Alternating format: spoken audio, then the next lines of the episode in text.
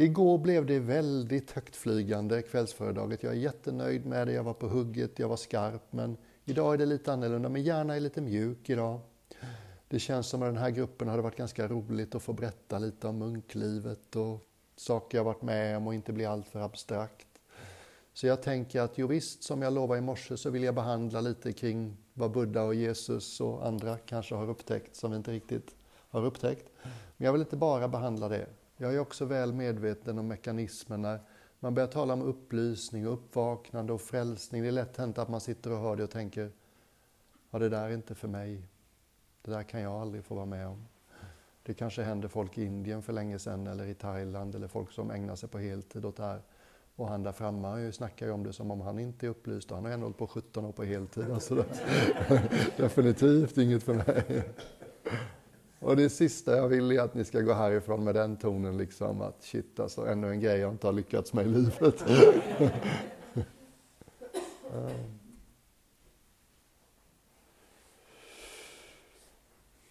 Jag har någon sån här grej som jag liksom har börjat känna för sista veckan som jag jag är liksom inte färdig med den konceptuellt, men det är som att jag skulle vilja att jag kunde på 45 minuter förmedla någonting som gör att ni går hem och känner att jag vill leva mitt liv lite mindre så här, lite mer så här.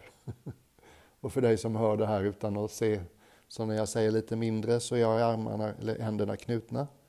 Och när jag säger lite mer så här så har jag händerna öppna. Att inte vara fullt så styrd av vårt behov av kontroll i livet. Att inte ständigt liksom jäkta och pilla och hålla på för att se till att allt blir som jag vill. Och bli lite större och upptäcka att jag kan klara det rätt bra när det inte faller på plats som jag vill. Och det är rätt skönt att slippa hålla på och rodda och planera och förutse och oroa sig. Vad gött det är att hänga med människor som inte gör det hela tiden, som bara liksom sitter som kungar i ögonblicket och bara I'm fine. jag gillar det så mycket. Ja. Jag kom ju till England efter sju år, som många av er vet. Bland annat för jag ville leva med inte bara män utan kvinnor också. Det fanns nunnor i England. Bland annat för jag ville göra psykologiskt arbete. Och det fanns mycket bättre möjligheter i England. Bland annat för att jag visste att mamma och pappa skulle bli rätt glada när jag kom lite närmare. Bland annat på att man kan bli rätt trött på värmen i Thailand, på myggorna i Thailand. Första stoppet, eller andra stoppet när jag lämnade Thailand, mamma och pappa gav mig en sån här superlyxig biljett så att jag åkte först till Perth i Australien och bodde där i två veckor i ett systerkloster.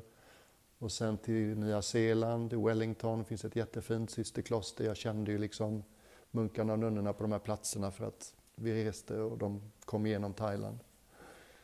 Jag kommer ihåg liksom i Nya Zeeland, varje gång jag gick in i min hydda så försökte jag stänga dörren lite fort så inte myggorna skulle komma in. Och sen insåg jag, det finns inga myggor på Nya Zeeland. och första gången, jag hade ju inte duschat varmdusch på sju år någon enstaka gång kanske. Typ när mamma och pappa var på besök och jag hängde med dem på deras hotellrum så klart jag la mig i badet liksom. Men i huvudsak hade jag knappt upplevt en varm dusch på sju år och när man kom liksom till Perth i Australien och abboten där var en väldigt praktisk man, liksom tekniskt kunnig man. Och de hade ett jättefin duschavdelning med liksom tio duschar i ett rum med gasvarmt. Liksom. Och jag bara stod där, och herregud, det här är bättre än sex. jag liksom var tvungen att fråga en annan munk, hur länge får man duscha varmt? det, var liksom, det, är nog, det är nog omunklikt att stå här för länge. Mm. Och sen när jag kom till England och till slut, efter en lång resa. Först var jag i San Diego, efter Nya Zeeland, det var ett kloster där i två veckor. Sen var jag i Ukiah där de här bränderna har rasat nyligen i norra Kalifornien där i två veckor. Sen hälsade jag på en vän som var döende i cancer, hjärncancer, hjärntumör på Manhattan. Vi måste ha sett roliga ut där vi gick liksom i ganska snålkall april. Och han hade ju gått igenom så mycket cellgift och strålning så han tappat allt sitt hår och blivit väldigt tunn och frös hela tiden så han måste liksom ha täckjacka på sig. Han var ju kal på huvudet. Och jag går förbi liksom vid sidan om honom med mina bruna kåpor och plastsandaler. Liksom. Och han är ju judisk författare och fantastiskt intellekt. Och han, är liksom, han vill filosofera och ställa de stora frågorna och sådär animerat diskuterande som judar ofta är. Och liksom, vi går där helt uppslukade av vårt eget samtal på Manhattans gator, liksom två män utan hår i blomman av sin ålder. och sen när jag kom till England då så var det ju liksom min eh, högfärdiga sida tyckte ju att jag vet hur det ska gå till i ett skogskloster. Jag har ju varit i Thailand. Jag har bott och besökt och levt i de riktiga liksom buddhismens Vatikanstaten. De stora mästarna, de stora klostren. Ja. Där gör vi rätt. Här i väst är det lite löst och ledigt. Det är liksom ingen riktig puts och studs på det hela.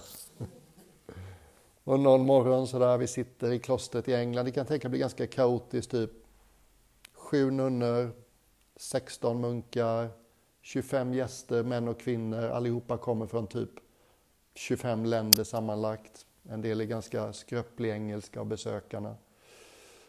Det är några nyanlända gäster och några har varit där ett tag. Och så ska man liksom efter frukosten gå igenom. Frukosten är liksom havregröt med lite müsli i, inte speciellt upphetsande, varje dag. Och efter frukosten ska man gå igenom, ni vet, vem tar hand om disken efter maten, vem lagar maten, vem kattar löven, vem tar bilen till verkstaden och fixar den? Vem fixar läckan i stuprännan på abbotens hydda? Eh, vem går ut i skogen och hugger ved? Vem kör traktorn och transporterar veden tillbaks för huset är ju vedeldat? Vem tar hand om skolklassen som kommer klockan tio för att lära sig lite om buddhism? Det är liksom, det är mycket. Eh, och precis som i Sverige så kan det vara lite trögt med att få volontärer. och liksom, och jag har mina synpunkter på det hela går till. Jag är liksom van vid en kultur där allt stödjer buddhistiska munkar och nunnor. Där folk är liksom så här och är tysta så fort vi öppnar vår mun. Och liksom ger oss allt och tycker det är underbart att få vara i vår närhet. Det där i England är lite annorlunda. Och när den här frukosten är över som jag då inte riktigt godkänner och tycker är lite för kaotisk. Och läraren Adjan Suchita han tittar på mig och han ser precis var jag har fastnat inombords. Och så säger han, Natiko, chaos may rattle you a little, but order can kill you. och så jäkla snyggt alltså. Och liksom precis som all riktig visdom, den är alltid situationsbetingad. Det är rätt ord till rätt människa vid rätt tidpunkt. När människan är tillgänglig för ett litet tips med tillräckligt mycket kärlek för att det ska vara lätt att ta emot det. Och ofta med en historia mellan människorna som man litar på varandra. Mm. Jag har aldrig glömt det. Det är lite det här. Kaos kan vara lite jobbigt, men att få ordning på allt, då dör något i mig. Det är liksom, vill jag spela Frias eller vill jag bli Hitler? Liksom. Det är en löjlig liknelse, men ni förstår vad jag menar vilja låta livet hända och konstruktivt delta och ha plats för lekfullhet och improvisation, liksom ett öppet, välkomnande, inkluderande sätt att förhålla sig till sitt eget liv. Eller vill jag ständigt vara på vakt att något ska hända som jag inte gillar? Eller att jag tvingas göra något som jag inte tycker är kul? Eller att jag tvingas vara med någon som jag inte tycker är så kul? Eller att jag inte får exakt som jag vill? Eller att jag måste bli lite obekväm? Ja. Jag vet ju vilken väg jag vill gå. Mm.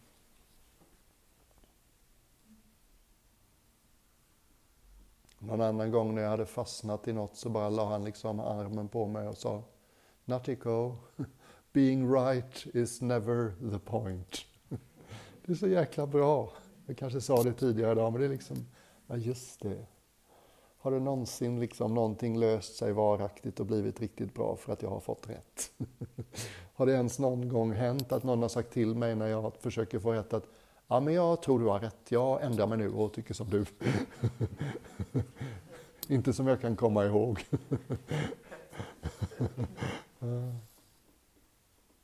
Någon annan gång var jag sådär upprörd i England för att det fanns en munk som talade illa om vår abbot, Adjan Suchito, bakom hans rygg.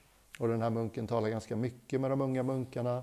Och jag var bekymrad över det här för de unga munkarna fick sin bild av abboten ganska mycket av den här munken som jag tyckte skvallrade och liksom baktalade.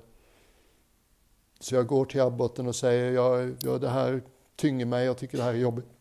Och det är ju lite lustigt, jag sitter där och klagar över att någon baktalar abboten. Det, det, mitt, det har jag ett problem med. Abboten var ganska chill liksom. Det var inte så, så där oerhört dramatiskt jobbigt för honom. Han liksom lagade en kopp te till mig och knådade mig lite på skuldrorna och axlarna. Och så småningom när jag hade liksom sansat mig tillräckligt för att vara mottaglig för ett litet, en liten undervisning så sa han ganska spontant bara Vet du vad Natthiko? Det tycks mig som om så många av våra mänskliga missförstånd och konflikter handlar egentligen bara om förstoppad kärlek.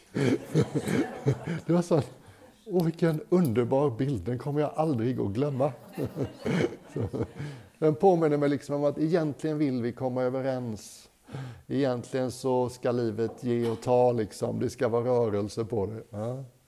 Och när det stannar upp, när kärleksflödet stannar upp och jag inte kan ge och ta emot det, så upplever jag det som konflikt, missförstånd, jobbigt, inget kul. Jag tyckte det var så här liksom upplyftande människosyn nästan. Att vi på något sätt faktiskt är byggda för att hänga ihop. Vi är byggda för att vilja varandra väl. Och saker kommer i vägen för det, men det är trots allt vårt grundutförande. Om man liksom hoppar tillbaks till Thailand så det var rätt mäktigt. Alltså jag, när jag tänker på, jag höll ett föredrag på Talarforum i våras. Och Talarforum de förmedlar ungefär 60 procent av alla talaruppdrag i Sverige. Det här är liksom Apple fast för talare. Det här är Vatikanstaten fast för talare. Det här är den stora, mäktiga och lite tvivelaktiga organisationen och tala för deras säljare och deras kunder, det är liksom rätt laddat. De har hört mycket och sett mycket, här får man inte misslyckas. Mm. Och jag kanske ser ut som jag har självförtroende när jag sitter här, men jag går inte omkring och tänker på mig, på, någon, på mig själv som någon som är jätteduktig på att tala inför grupper. Det har jag aldrig känt. Så att klart, jag var nervös, men jag, jag gjorde, det blev bra. Det var lite som här med, det var lite sådär impromptu. Det fanns plats för improvisation. Och mot slutet av det föredraget, jag minns inte mycket av vad jag sa, men jag minns de sista meningarna jag sa. Och de sista meningarna jag sa var ungefär Skriv det på min gravsten. Judge me by my friends. Som en av mina absolut starkaste och bästa sidor är mina vänner. Jag drar till mig folk som jag beundrar, som jag tycker är klokare och mer kärleksfulla och liksom, som jag ser upp till på många olika vis. och mina lärare, mina abbotar, alla de tre centrala, de var sådana. Människor som bara växte ju mer jag såg dem och lärde känna dem. Och den andra abboten i Thailand, han var engelsman. Jag har nog aldrig beundrat en människa så mycket som jag beundrar honom. Jag har ett, ett slags sår psykiskt som jag tror många män kanske har. Att man liksom vill få mer tid och bli mer sedd av fadersgestalten. Eh, det säger inget om min pappa egentligen, det säger bara någonting om min, liksom, mitt psyke. Och det där spelade ut sig förstås, som alla som har varit chefer vet. När man blir chef så blir man allas psykologiska soptunna. Alla projicerar på dig vad de liksom har för historier med auktoriteterna i sitt liv. Så jag tyckte aldrig att jag fick tillräckligt med tid med den här fantastiska abboten. Jag ville ha mer egen tid med honom hela tiden. Jag tyckte inte han gav mig tillräckligt med uppmärksamhet. Och mina munkkompisar, när de hörde det, sa de, vet du vad? Du får mer tid än någon av oss. Ser du inte det? Och nu i somras när jag var och besökte dem i England så hade de ett sånt här världsmunksnunnemöte. Alla samlades. Det var ju jättekul. Jag hyrde in mig på en B&B i närheten och hade en cykel och cyklade till klostret varje dag och störde munkarna. Gatecrashade deras monks only breakfast och sånt. Och då så var jag inne hos honom i hans lilla rum för han ville visa mig en bok som han höll på att skriva som kommer ut i januari. Som handlar just om den här paddan. Och när han hade läst i boken och så, så sa han, skulle jag gå då? Så sa han, vänta lite, vänta lite. Vet du vad, jag vill att du ska veta en sak. Och så sa han, jag ville aldrig bli abbot. Jag tvingades att bli ledare för det här klostret för att läraren åkte till Kalifornien och startade ett nytt kloster. Jag ville det aldrig. Och jag visste att jag blev munk för att jag ville leva som eremit med mycket avskildhet. Och jag vet att du kände att jag inte gav dig tillräckligt mycket uppmärksamhet. Men Vet du vad, det stämmer. Jag kände att det hade varit omoraliskt att ge er all in uppmärksamhet allihopa och samtidigt veta att jag hade för avsikt att lämna efter några år.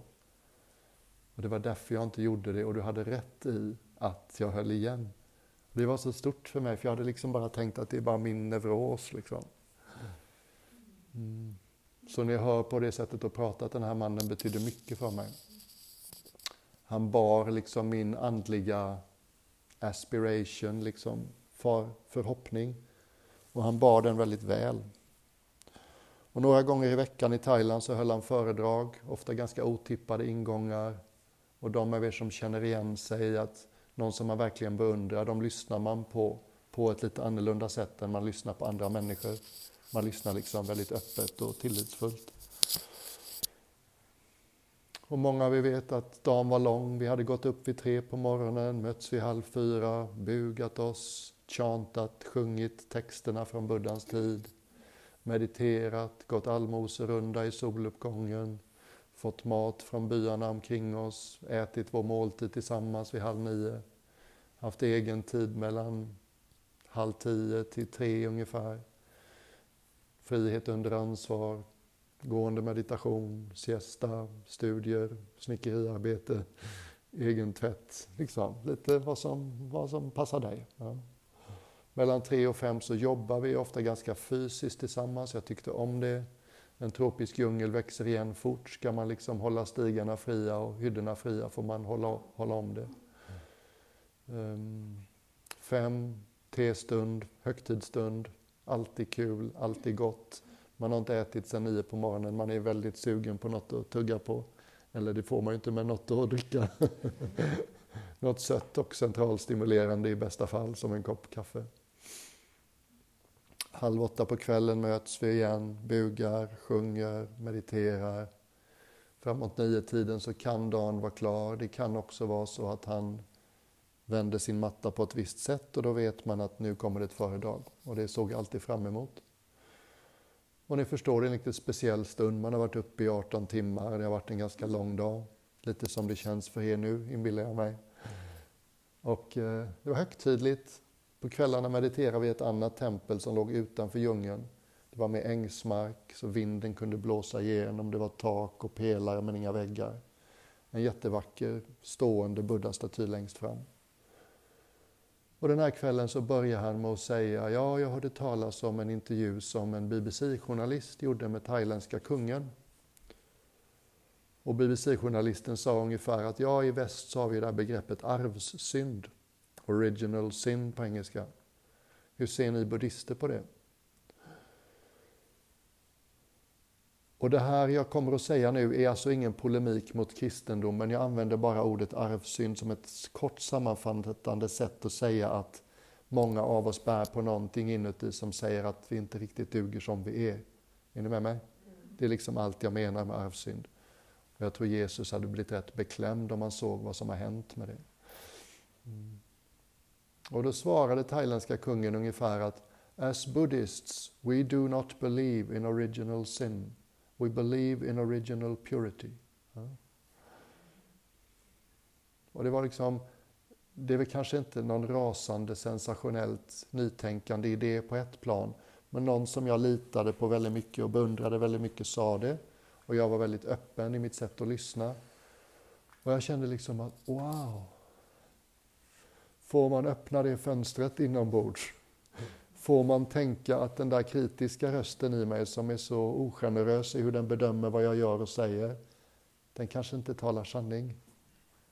Det kanske är sant som det sägs i så många andliga traditioner, att kärnan, källan, ursprunget, det eviga, det som inte har fötts, det som inte dör, i dig och mig och alla andra människor, är oskuldsfullt. Oavsett vad ditt psyke eller ego säger till dig, så är det så. Har alltid varit, kommer alltid att vara. Det gäller för dig och mig och Idi Amin. det är liksom gåvan vi har fått av att vara människa. Mm. Och att mycket av genuin andlighet handlar om att liksom koppla upp sig igen på det. få bättre tillgång till det. Och de sista 15 minuterna av dagens sista meditation är för mig det mest det rakaste, direktaste sättet att koppla upp sig på det igen. Liksom. Och bara helt och hållet släppa alla fokus och bara helt öppet liksom, jag är tillgänglig. Mm.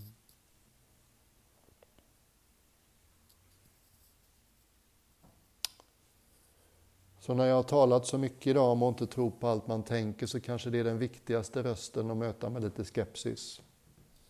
Den som viskar lite strängt inombords eller mycket strängt.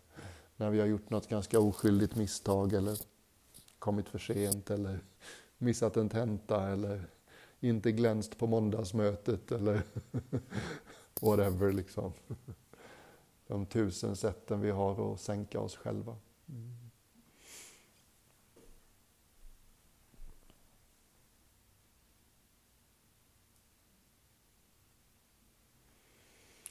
Så nu hamnar vi där ändå. Vad är upplysning och frälsning?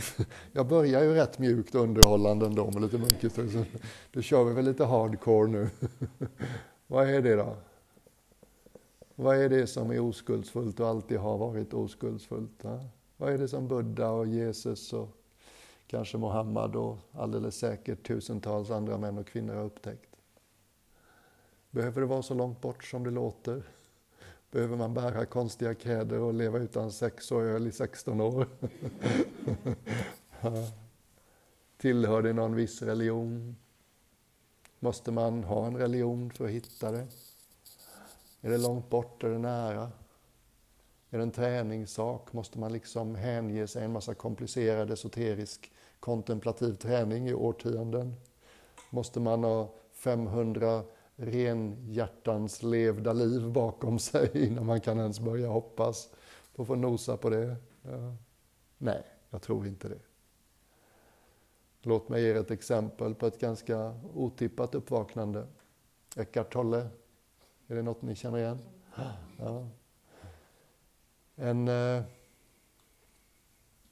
fri själ, tysk man, fri tänkare men inte speciellt andlig. Någonstans i nian eller ettan så tyckte han han tröttnade på att plugga och tyckte inte det var kul så hans föräldrar sa nej men då behöver du inte gå i skolan. Då kan vi hemskola dig istället. Så småningom visade det sig att han var rasande intelligent och så småningom filade han på en avhandling, doktorsavhandling i hispaniska språk. Jag minns inte om det var Oxford eller Harvard. Och samtidigt som han höll på att göra färdigt sin doktorsavhandling så var han deprimerad. Och han gick i sin lilla lägenhet på nätterna och kunde inte sova. Och hade självmordstankar. Och var djupt liksom försänkt i ett personligt mörker. Och någon natt så tänker han, jag står inte ut med att vara med mig själv längre. Och han var en reflektiv person, så han kunde ju inte låta bli att tänka, vänta lite nu. Jag står inte ut att vara med mig själv. Hur många är vi här egentligen? Liksom. är ni med mig? Det är en väldigt så här härlig, jag skulle aldrig komma på tanken själv men när jag hör den, ja men det stämmer ju, det är ju verkligen sant. Då. Det finns någon som är här som inte står ut med någon annan som också är här. Och allt det här händer i mig. och det leder förstås att din uppmärksamhet vänds in rakt emot det du kallar jag. Vadå min, mig, jag? Ja. Den vänds i den omöjliga, ovanliga riktningen. Och det känns nog ofta lite som att försöka se sina egna ögon utan hjälp av en spegel. liksom. ah, mig, jag. Ja, men nej, den riktningen, det funkar inte. Nu får jag lite svindel. Det kan man inte göra, det går inte. Och det hände för honom ganska naturligt och spontant. Och en process vidtog som var ganska självständig. Och några timmar senare när han slog upp sina ögon igen så var det inte längre egot, personligheten Eckart Tolle som tittade ut genom hans ögon. Det var rent varsevarande. Det var det man säger, pure awareness säger man på engelska. Någonting vaket, naket, närvarande. 80 procent av tankarna föll bort på ett ögonblick. Det är rätt mäktigt alltså. Hur skulle det kännas för dig och mig om 80 procent av våra tankar bara föll bort? Över en natt, eller hur? Och med all säkerhet, det var just de här icke-funktionella tankarna som föll bort. Som har synpunkter på mig och allt som händer om mig, som har synpunkter på andra. Som jämför liksom verkligheten med någon slags tänkt mall om hur det borde vara. Mm. Och det är hans första bok, om ni inte har läst den, jag varmt rekommenderar den på engelska. Det är den mest klockrena andliga bok jag någonsin har stött på. Han sa själv när han satte sig och skrev den att det var inte jag som skrev den, jag bara satte pennan till pappret och det, liksom, det kom igenom mig men det kom inte från mig. Och det finns när man läser den boken, det finns inte en mening som är för mycket, det finns inte en mening som fattas. Det är, liksom, det är lika klart som en klocka i gryningen. Det är, oh, den är magisk. Och den ska man förstås inte läsa översatt om man kan klara den på engelska för att den, är så, den har något på engelska som går förlorat i svenska. Jag skulle kunna tala två timmar bara om alla fina saker jag har lärt mig av den boken men det är inte det jag ska göra ikväll. Men Eh, Power of Now, The Power of Now. Det är en sån här andlig klassiker. Den låg på första platsen på facklistan på Times bestsellerlist i månader. Liksom. Jag tror att jag kan skicka med den som pdf i det där lilla utskicket jag gör. Ska se om jag inte kan fixa det. Det borde inte vara så svårt. Berätta inget för copyright-innehavaren bara. Men det säger någonting, det är den ovanliga riktningen. Om man liksom latchar lite med det. Visst är det lite konstigt liksom hur vi använder språket. Talar om liksom ja, här är jag, mina byxor, mina armband, min mobil, mina tankar, mina känslor, mina synintryck. Välkommen in i mitt synmedvetande. Det är mitt, det är synmedvetandet.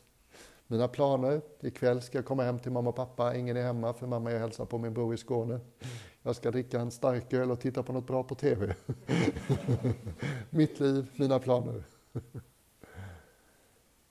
Och liksom, det är ingen som förnekar allt det här, synintryck, tankar, känslor, starköl, tv-program. Men när jag kallar det mitt, vem är den där tänkta ägaren till de här sakerna? Vem är ägaren till de här byxorna? Är det kroppen? Nej, jag tror inte det. Jag kan inte vara min kropp. Jag har en kropp, men jag är inte min kropp. Att vara min kropp, det hade ju varit lite läskigt. Då blir jag liksom sjuk utan att jag vill det. Jag blir gammal utan att jag vill det. Jag dör utan att jag vill det. Det är lite läskigt hela grejen. Det är som att sitta på en buss utan förare och försöka intala sig att det här är okej. Okay. liksom, who's driving? och samma med känslor och tankar. Men hade jag varit mina känslor och tankar, då hade jag ju sett till att jag bara hade känslor och tankar som var lätta att leva med. Hade jag aldrig mått dåligt. Jag har ju aldrig haft en liksom deppig tanke. Så att nej, så kan det ju inte riktigt vara att jag, entiteten, är kroppen eller tankarna eller känslorna. Och där börjar det bli rätt svårt. Och om du tycker det är lite jobbigt att bara höra det här så vill jag också påminna dig om att de första sex, fem, sex åren som munk, så fort det lilla ordet kom upp i skrifterna eller i samtalet som pekar på just det här, så tyckte jag det var jobbigt jag fattar inte det här, jag blir snurrig av det här, det blir abstrakt. Och jag fattar att det är viktigt men jag får inte mitt huvud runt det, det blir bara konstigt. Liksom. Så att jag har all respekt för om du också tycker att det här är lite svårt att ta till sig. Mm.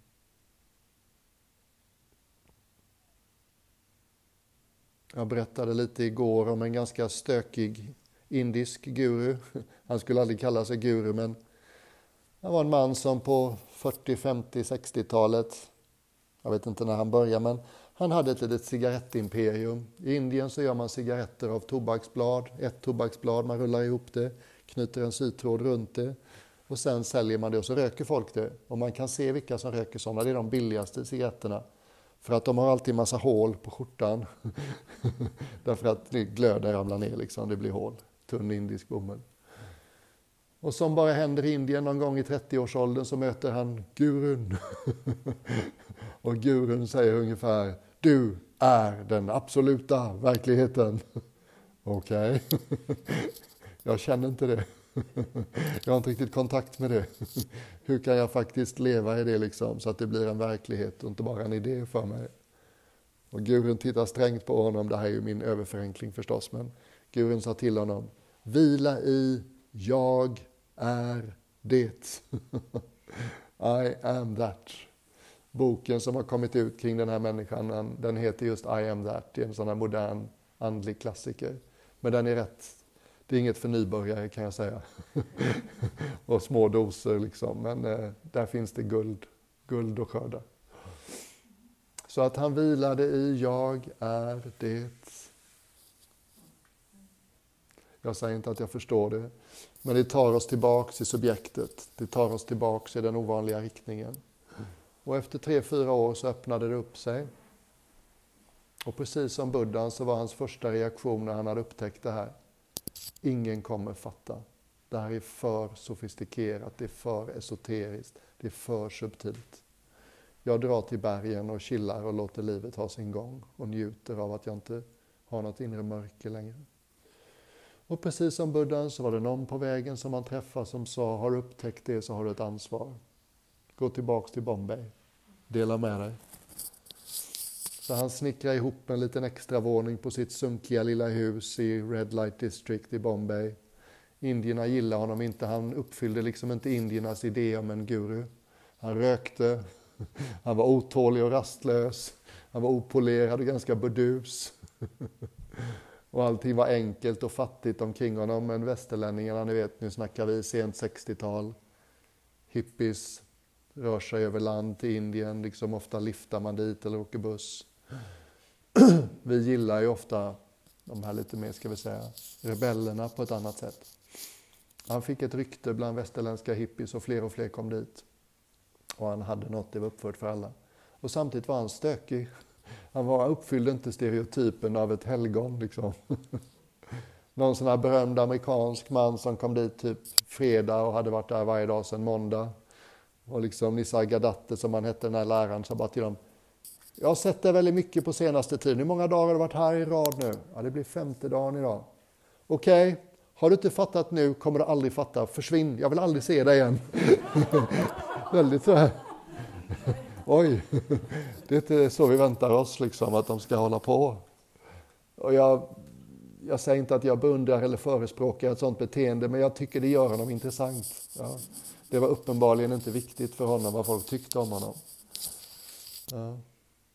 Och han, han har sagt många tänkvärda saker och han sa ju allt på maharashtra, det lokala språket. Men böckerna har översatts, eller hans ord har översatts till engelska.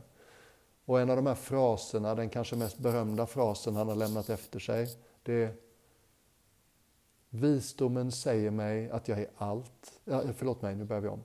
Visdomen säger mig att jag är ingenting.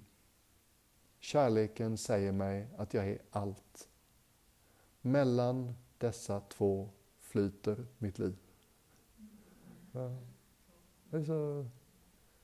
Jag har en växande känsla för att en stor andlig sanning formuleras ofta som en paradox. Liksom. Hade det gått att göra någon slags linjär flödesschema av det så det gick lätt att fatta vad som behövs för att nå dit så hade vi väl varit där allihopa vid det här laget. Inget spelar roll, allt spelar roll. Ja, stämmer, båda. Visdomen säger mig att jag är ingenting. När jag vänder mig inåt och försöker hitta något solitt, påtagligt, varaktigt som kan motsvara verkligheten bakom ordet jag, så hittar jag inget. Det finns inget.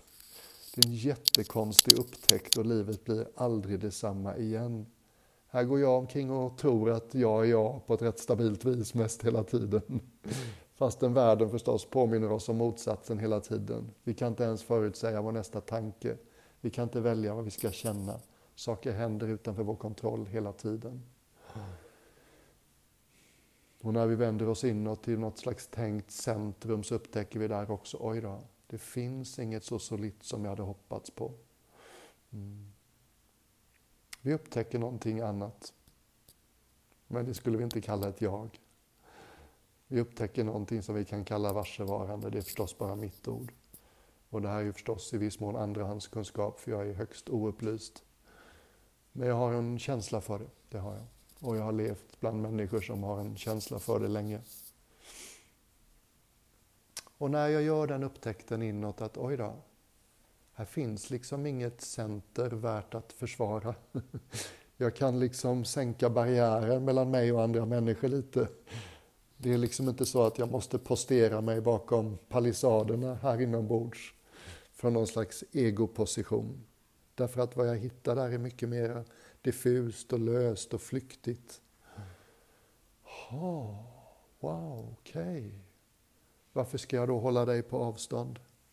Varför ska jag då fortsätta att skapa en separation mellan dig och mig? Varför är det då så himla viktigt att det blir som jag vill och att du inte är jobbig och att du måste tycka som jag och att jag måste få min preferens tillgodosedd hela tiden. Ja. Som Adyashanti som jag följer, han säger så underbara saker hela tiden. Han är verkligen grymt oskrytig. Men i april när jag var på veckolång retreat med honom i Upstate New York ute på landet, 160 pers i rummet, så sa han sådär bara som en liten sidokommentar i del av ett svar till någon fråga någon ställde. Jag har helt och hållet förlorat förmågan att bli förolämpad. Wow! Give me some of that. Bring it on. ja. Och det är klart att den förmågan att bli förolämpad försvinner när vi inte längre har något som vi måste försvara här inne. Det blir liksom irrelevant, vadå? Chansen är väl minst lika stor att du har rätt som att jag har rätt. Och förresten, varför är det viktigt att jag skulle få rätt? Jag kan ju kanske lära mig något om jag lyssnar på dig istället. Och ett väldigt oromantiskt sätt, ett väldigt realistiskt sätt att tala om kärlek, det är att säga icke-separation. Jag sa det i eftermiddags. Det är, liksom, det är helt naturligt när vi inte känner separation längre. De vi känner oss förbundna med, sammanlänkade med, inte åtskilda från, inte separerade från. De känner vi en naturlig empati, jag vill det väl, jag vet hur det känns att inte må bra, jag vill inte att du ska må som jag mår när jag inte mår bra. Jag har mer än jag behöver, jag kan dela lite, jag behöver inte vara i min bekvämlighetszon hela tiden. Är det viktigt att du får lite mer av någonting, då kan jag kliva lite utanför min bekvämlighetszon. Det är liksom kärlek på ett högst odramatiskt och ofilosofiskt och handfast och praktiskt vis. Så min rädsla att det ska låta lite kyligt och sterilt där med upplysning och inget jag kompenserar jag liksom genom att påminna mig om att effekten av upplysning är alltid icke-separation. och en absolut nödvändig komponent av icke-separation är kärlek. Och kärlek kan se väldigt olika ut.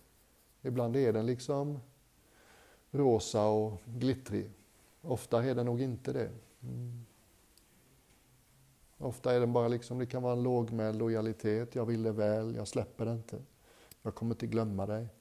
Jag kommer inte förbise eller bortse från ditt välmående. Jag kommer inte medvetet göra saker som skadar dig. Mm. Och en del av oss har kanske haft turen att vara i det där någon gång. En människa som liksom tycks se oss och ta in oss. Ganska komplett, brett, totalt. Visa utan allt vi tycker, känner oss vara. Och så upptäcker vi, wow, de kan liksom ta in mig och se mig så tydligt och ändå tycks ingenting i dem döma någonting i mig. Det är också väldigt vackert när man har gjort den inåtgående rörelsen. Botten i andra är botten också i mig. Inget mänskligt är mig främmande. Numera är det ganska svårt för någon att presentera någonting för mig som gör mig chockerad eller sådär. För det mesta kan jag säga, ja, i know, I know, I know the zone. Been there, done that. Det är ganska konstigt, men jag var typ 11-12 år, så liksom tänkte jag så här, på den tiden var det typ Idi Amin och Pol Pot och Hitler. Det var liksom tre av ärkeskurkarna i världen. och jag tänkte liksom, är jag helt främmande ens för vad de har ägnat sig åt? Nej. Någonstans kan jag fatta att om man liksom bestämmer sig för i huvudet att allt är den gruppens fel, då bryr jag mig inte längre om vad de tycker och tänker och för alla andras bästa ska vi göra oss av med dem. Och då gör jag mig känslokall för de spelar ingen roll, för de ställer bara till problem så det är rättvist, de ska bort. Just det, då kan man bli så hård och kall och hänsynslös så man etablerar ett system som koncentrationslägren och massutrotningen. Mm. Och det var så här, jag minns det här tillfället, jag minns min egen säng jag låg i. Jag förstår inte varför en genomsnittlig tolvåring skulle tänka så, men det gjorde jag. Och jag, det är någonting jag tycker om i det. Jag vill inte liksom komma till en punkt där jag säger det är bara vissa monster som är sådana, det skulle aldrig kunna hända mig. Jag gillar att säga att under vissa omständigheter, vem vet om jag hade växt upp på det sättet och utsatts för den sortens idéer och propaganda och missnöjet med dealen för tyskarna efter andra världskriget och den självuppblåsta bilden de hade av sin nation sedan hundratals år tillbaka. Kanske kunnat hända mig med. Mm. Och det är också någonting fint med empati i det upplysta tillståndet. Att det blir ganska lätt att leva sig in i andra människors både ljus och mörker. Därför att vi har tillgång till väldigt mycket av det, vi har sett väldigt mycket av det. Då blir vi liksom en fin vän. Mm. Det är härligt att vara med någon när det är som svårast och den andra människan tycks inte säga jag tycker du är konstig eller jag har aldrig känt som du eller du borde inte känna så här eller du borde skämmas för att du har de här impulserna. Och, och då blir vi de flesta processen som föregår uppvaknandet, den är ofta lite svår. Det är väldigt få som bara har ett spontant uppvaknande när de mår bra. Liksom. Jag vet en åtminstone, det gjorde mig glad att stöta på historien. Men påfallande ofta så tycks det som att för att vi ska kunna gå från det här till det här krävs det ett visst mått av desperation och förtvivlan. Liksom. Jag tänker på Jesus på korset. Jag vet så lite om kristendomen. Alla har vi rätt att fantisera. Och jag tänker mig att när han sitter där, eller hänger där uppspikad på korset, övergiven av alla som han försökte dela vad han hade upptäckt med, förrådd av en av sina närmaste. Nästan inga av de som stod honom nära är där. Det är typ hans mamma och Maria Magdalena och någon till som finns där enligt historierna. Han behandlas som en vanlig fånge, kriminell. Och bara rent fysiskt och bara tänka sig hur skulle det kännas att ha en spik genom bägge armarna och bägge benen? Hur skulle det kännas att behandlas som en vanlig brottsling när man har gett allt för att dela vad man tyckte att man hade upptäckt? Och inte nog med det, liksom förtvivlan har ett lager till. Dessutom när han hänger där på korset så tänker han, min Gud, varför har du övergivit mig? Han tror till och med att Gud, liksom, det han upptäckte, hade övergivit honom. Jag tycker det är svårt att hitta en mera allomfattande bild av förtvivlan. Och jag vet ju inte, men jag tänker mig. Han var fortfarande där, han trodde på vad han tänkte och det blev så himla mörkt. Hans liv var ju liksom en tragedi som slutade i ensamhet och förrådd och övergiven. Och sen så tänker jag mig att någonting släppte taget om det lilla jaget. Någonting släppte taget om ego. Någonting slutade tro på de förtvivlade tankarna och öppnade sig för någonting större. Och då fick han tillgång till någonting som gjorde att han en stund senare sa Ske din vilja Gud, inte min. Mm. Rätt mäktigt. Mm. Och det här är förstås bara min högst inkompletta förståelse av det här förloppet som ingen vet exakt vad det var som hände. Men det är ett sätt som gör situationen förståelig för mig. Mm. Som en del av er vet så har jag en, eh, en kristen förebild, min kristna superhjälte, en tysk präst från 1200-talet som heter Meister Eckhart. Riktig rock'n'roll-präst får man säga. Olle Johansson, modell 1200-talet. Vad heter han i Stockholm? Olle? Någon som vet vem jag pratar om? Nej, spelar ingen roll. Ja. Olle Johansson. Ja. Så den här prästen som hette Meister Eckhart, han hade ett uppvaknande på kristet vis. Och som många människor gör efter sitt uppvaknande så slutar man att använda de officiella orden. Man känner att det här vill jag tala om med egna ord. Jag har full auktoritet här. Jag vet vad jag talar om. Jag behöver inte vända mig till en skrift för att hitta de officiellt godkända orden. Så att han började hålla högmässan i området där han bodde i Tyskland på söndagar på tyska, platttyska, som var liksom vardagsspråket där och då. Och Vatikanstaten fick ju ett spel av Guds nåde. det var inte okej okay på något sätt. Det är inte meningen att folk ska förstå när de kommer till kyrkan på söndag. Det är en ceremoni, de ska bara vara imponerande och underdåniga. Ja. Och han struntade rätt fullständigt i det och fortsatte. Mm. Och hans församlingsbor kände ju väldigt tydligt att någonting har hänt, han har något, den här mannen lyssnar man på på riktigt. Och någon församlingsbor ska ha kommit fram en söndag efter predikan och sagt Ja, du talar ju en del om Gud och sådär och jag är en enkel människa. Jag skulle också vilja känna Gud på det sättet som du gör. Men eh, jag vill ha ett enkelt råd, det får inte vara komplicerat. Och då enligt historien så ska Meister Eckhart ha svarat Det är inte svårt. Allt du behöver göra för att känna Gud som jag gör är att förstå vem som tittar ut ur dina ögon. Mm. Precis samma grej. Vänd uppmärksamheten tillbaks till det du tänker dig, den som tänker, den som känner, den som ser, den som tycker. Igår på vägen hit så lyssnade jag på Adyashanti för att komma i stämning. lite som man grundar inför en hårdrockskonsert med lite tunggung och några starköl. så inför en retreat så laddar man sin favoritlärare och låter sig sugas med. Och igår råkade Adyashanti säga, apropå uppvaknande, så sa han, vet du vad? Vi vill bli upplysta, vi söker efter upplysning och vet du vad som är den smutsiga lilla hemligheten? Vi letar efter Gud genom att titta genom hennes ögon. Är det inte jättesnyggt? Liksom. Någon annan gång sa han, vet ni vad? Det är som att vi letar efter nyckeln till pärleporten eller till, till dörren till den stora hemligheten. Vad vi inte vet är att vi redan står på insidan. det är så fint. Ja.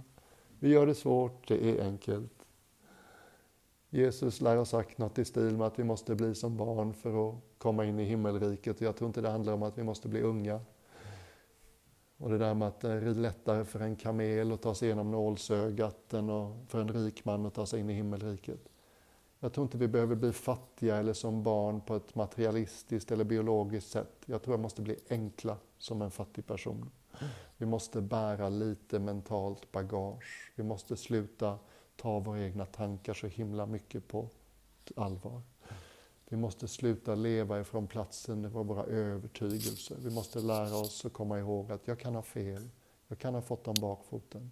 Jag kan ha något kvar att lära mig. Det kan finnas något jag inte har sett än. Och i den aspekten blir vi som barn mer förutsättningslösa, öppna, tillgängliga. Släpper det lilla och blir tillgängliga för det stora. Mm.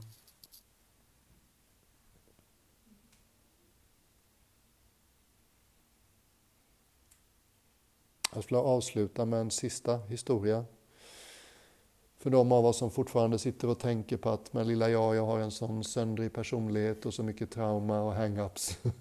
It's never gonna happen to me. Efter en av de här små kaotiska frukostarna i England så var det en eh, nunna som jag tyckte väldigt mycket om som kom in med en laptop till några av oss som satt kvar och planerade veckans arbete. Och det var så ovanligt, jag hade knappt sett en laptop innan då vi hade en dator på kontoret som jag använde för att ta emot förfrågningar från gäster. Men wow, en laptop, det hade jag knappt sett.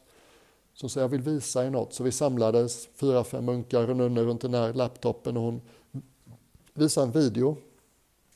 Det här var en levande legend Ajahn Mahabua en av de mest välrenommerade och berömda skogsmunkarna i Thailand från hela 1900-talet.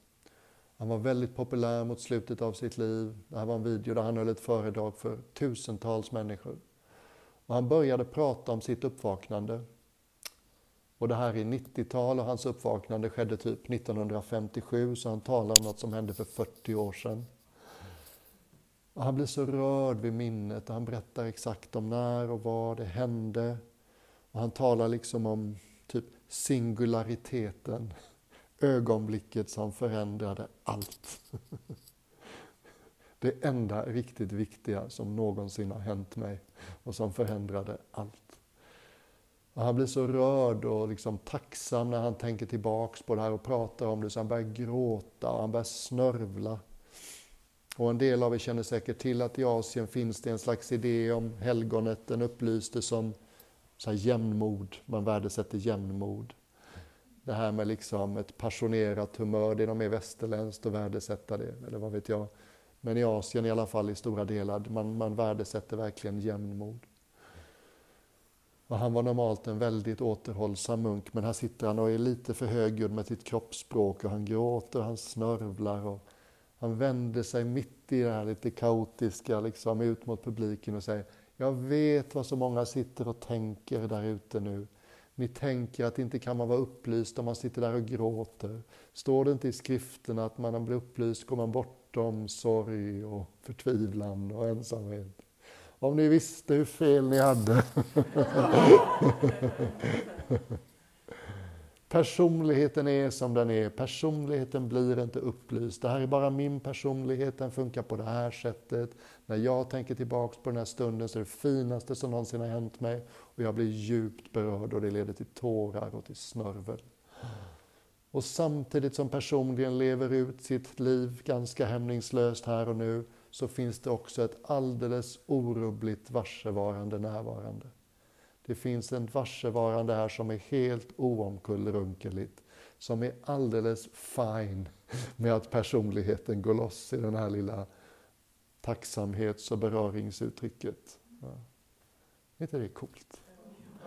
Jaha, det kanske inte är personligheten som blir upplyst. Det finns något större som vi har tillgång till, där vi blir ännu mer oss själva.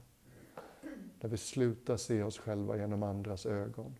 Där vi slutar bekymra oss så mycket vad någon annan tycker.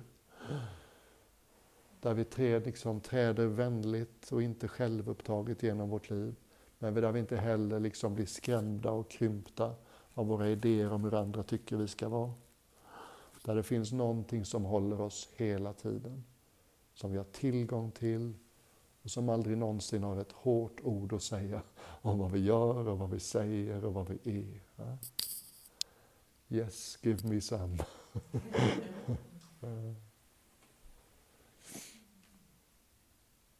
och kanske som avslutningsord för idag, Adya Shanti, då min lärare, tänker jag väl på honom som nu. Han skriver poesi. Han har en fyra radare som jag nämnde igår, så Sandra känner igen det. Och Sari också. Är Tina med oss fortfarande? Nej, hon har åkt.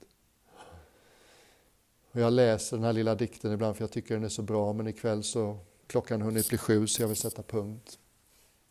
Men som ni märker, det kanske är svårt att sälja in det här med upplysning och frälsning. Och det är lite svårt för oss att förstå på vissa sätt.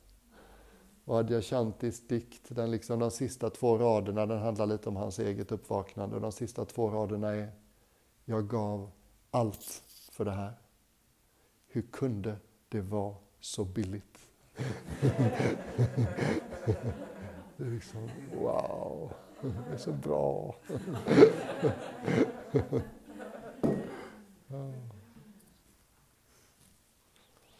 Så avslutningsvis, tack för att ni gjorde dagen så bra. Jag svajade i morse. Jag undrar hur det skulle gå. Jag var inte riktigt här fram till lunch. Frågestunden innan lunch hjälpte mig jättemycket. Jag fick lite kontakt och kände liksom vilka ni var. Mm. Eftermiddagen gick som på räls. Jag har liksom glatts och deltagit och njutit av det hela vägen. Och det var er närvaro och ert sätt att lyssna och delta som gjorde det möjligt. Stort, stort tack.